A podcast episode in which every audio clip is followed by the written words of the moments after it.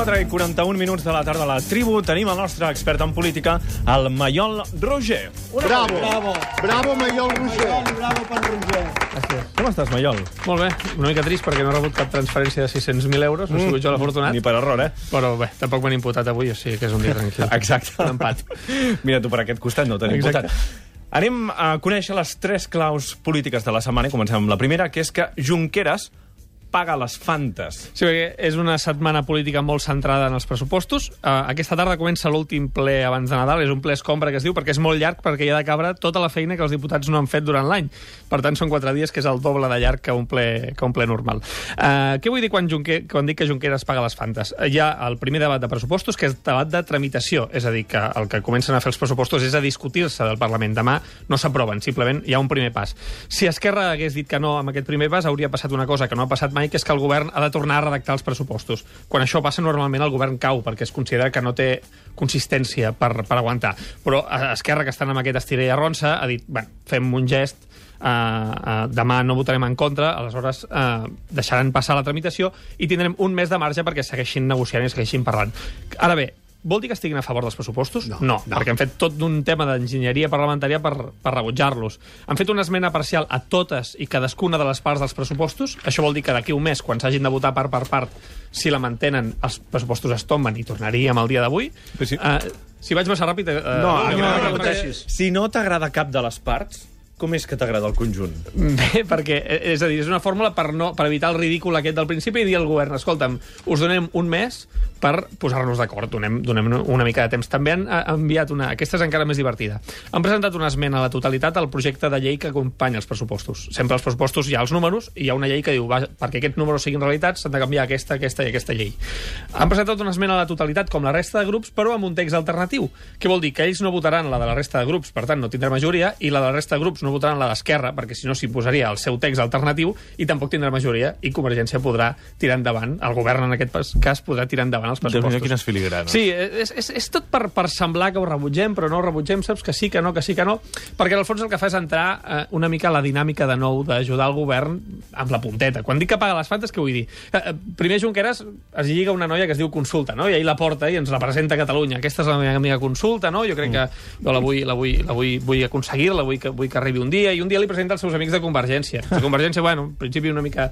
Bueno, no els no, acaba de fer el no. pes, i això, aquesta era simpàtica i tal, saps? I, però, bueno, els de Convergència s'hi van animant, s'hi van animant, i arriba el dia de, la- de la veritat, i qui s'acaba emportant l'urna a casa és, és Artur Mas. I, La- i tenim Oriol Junqueras de morros, enfadat sense la consulta, I en Mas l'ha tocat. amb Mas l'ha tocat, i a sobre, per tornar a tenir opcions de tornar a estar amb la consulta, ha de pagar-li la factura dels pressupostos. Mm. Per tant, aquí Junqueras ha actuat una mica, una mica de pagafantes. Uh, el desgast de Junqueras que ha tingut aquest temps uh, es corregirà amb els pressupostos? No ho sabem. És cert que si uh, els pressupostos haguessin caigut al govern, l'excusa aquesta de la irresponsabilitat d'Esquerra uh, l'hauria pogut augmentar i que no serà la primera vegada que Esquerra digui que no els aprova i els acaba aprovant o que digui que són uns pressupostos antisocials i després pugui sortir a dir que ells els han matisat. Uh, però vaja, tot entra en aquesta dinàmica de negociació que estem ara, que sí, que no, que sí, que no, amb la llista única, la, la llista de les plebiscitàries. De moment això és un gest de bona voluntat de dir, bé, tenim un mes per entendre'ns, no hi ha l'espasa de Damocles de la caiguda del govern o de, o de l'errada dels pressupostos sobre la taula i, per tant, eh, un gest de bona voluntat que veurem com, com continuen les properes setmanes. Mentrestant, segona clau de la setmana, continua activat el pla Confecat. Sí, que tothom estigui alerta perquè qualsevol cantonat pots trobar un polític fent conferències, eh? Ara, El ara pla s'ha- Neucat és el que s'activa quan hi ha risc de molta neu, el pla Confecat és el que s'activa i ja està activadíssim sí, pel risc que- de que no hi- conferència múltiple. És que no és que hi hagi risc, hi ha, hi ha accés de, de conferències evidentíssim, eh? Uh, I no dic pel pobre Joan Herrera, que és qui li va tocar ahir el seu torn, mm, vaja, no, no, no va dir res d'extraordinari com per justificar. Una conferència, un polític normalment la fa quan estem de precampanya, com passa el cas, però s'acostumen a repartir perquè quan tots tenen alguna cosa a dir, alguna novetat del programa, la diuen, no? President Mas va dir, escolta'm, proclamaré la independència en 18 mesos. D'acord, és una novetat, val?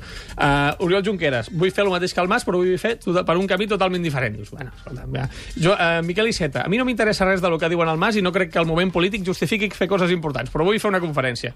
Bueno, mira, eh, no sé, demà igual se, se'ls hi passa pel cap fer com femen i, i dir les coses amb va el dir? pitre amb l'aire. L'Herrera què va dir? Eh, Pot, pot ser que sigui cadascuna una mica menys pomposa que l'anterior? Sí, sí, sí, perquè ahir vam tenir, ahir vam tenir el, el, el format Mas era, era format... eh, Grandiloqüent. Era grandiloqüent, sí. era, era presidencial. El format Junqueras era, era les conferències TED, les coneixeu, aquestes Sí. sí. de, "Va, sí, soc, soc un profe guai i tal, vaig parlant. La, la de Miquel Iceta era gairebé una roda de premsa, pobra, però bueno, tenia, tenia encara aquest toc de pompositat. I, i Joan Herrera va fer aquest format tres senyores i tres senyors per fer-ho paritari, no? i sentat amb una cadira, la gent fer-li preguntes, jiji, jaja.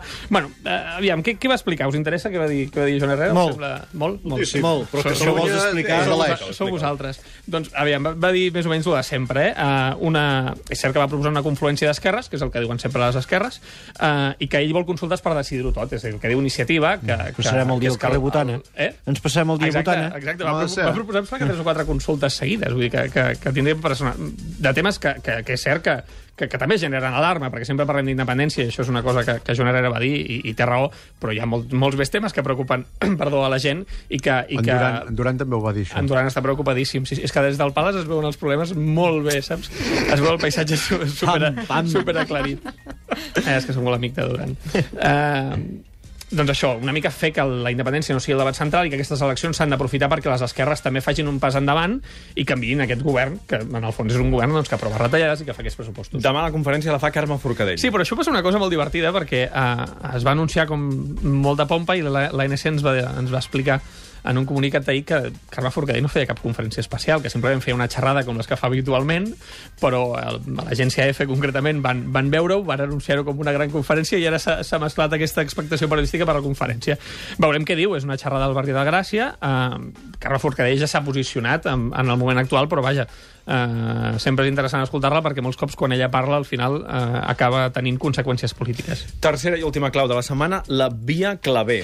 Deixa'm explicar la via clave, perquè és, és un tema molt curiós que ha sortit aquests dies a les xarxes socials, de fet ja fa un parell de setmanes que, que s'arrossega, uh, perquè aviat començarem a parlar de les eleccions generals de 2015. Uh, seran, si no s'avancen, a finals, a finals de 2015. Mes de novembre de l'any- mes de novembre, sí. i comencem en dinàmica precampanya. Aquest cap de setmana està Pablo Iglesias aquí.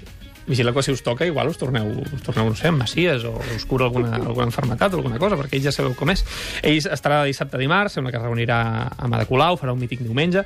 Bàsicament les seves opcions per guanyar Espanya passen per fer un resultat important a Catalunya, perquè sempre que les esquerres a Espanya han, han guanyat mm, resultat ajustat, òbviament, ha sigut gràcies a Catalunya, i més si ell agafa un votant desencantat socialista, aquí té, té molt camí per recórrer. Uh, això per una banda. Per l'altra banda, què és la via clave? És una proposta eh, que ha tret un usuari de Twitter que es diu El Sometent, és inter... us, us recomano seguir-lo, és bastant interessant, eh, que el que demana és que els partits sobiranistes, ja que defensen la independència, no es presentin a les eleccions generals. Això que sembla una bogeria, de fet, és una proposta que, que, que podria passar. De fet, la CUP ja ho fa. La CUP diu, jo no tinc res a jugar-me a Espanya i ja ho faig. Mm, Cosa graciosa que no es presenta, però té, té escons al Congrés segons el, les enquestes, perquè, perquè veieu. Uh, tots ho han rebutjat, però seria una proposta interessant perquè què passaria si a les eleccions hi hagués un 70% d'abstenció, per exemple? Quina visió tindria? Quin missatge internacional? Aquesta és la proposta que ha arribat a la, a la, a la política dels grans mitjans, diguéssim, d'una manera amb subterfugis, però bé, us la dic perquè si la llegiu com a mínim sapigueu què és. Molt bé, això es diu via clavé, per si ens sentiu a parlar a partir d'ara. Maiol Roger, moltíssimes gràcies. Fins A la setmana que ve. Adéu-siau. Adéu.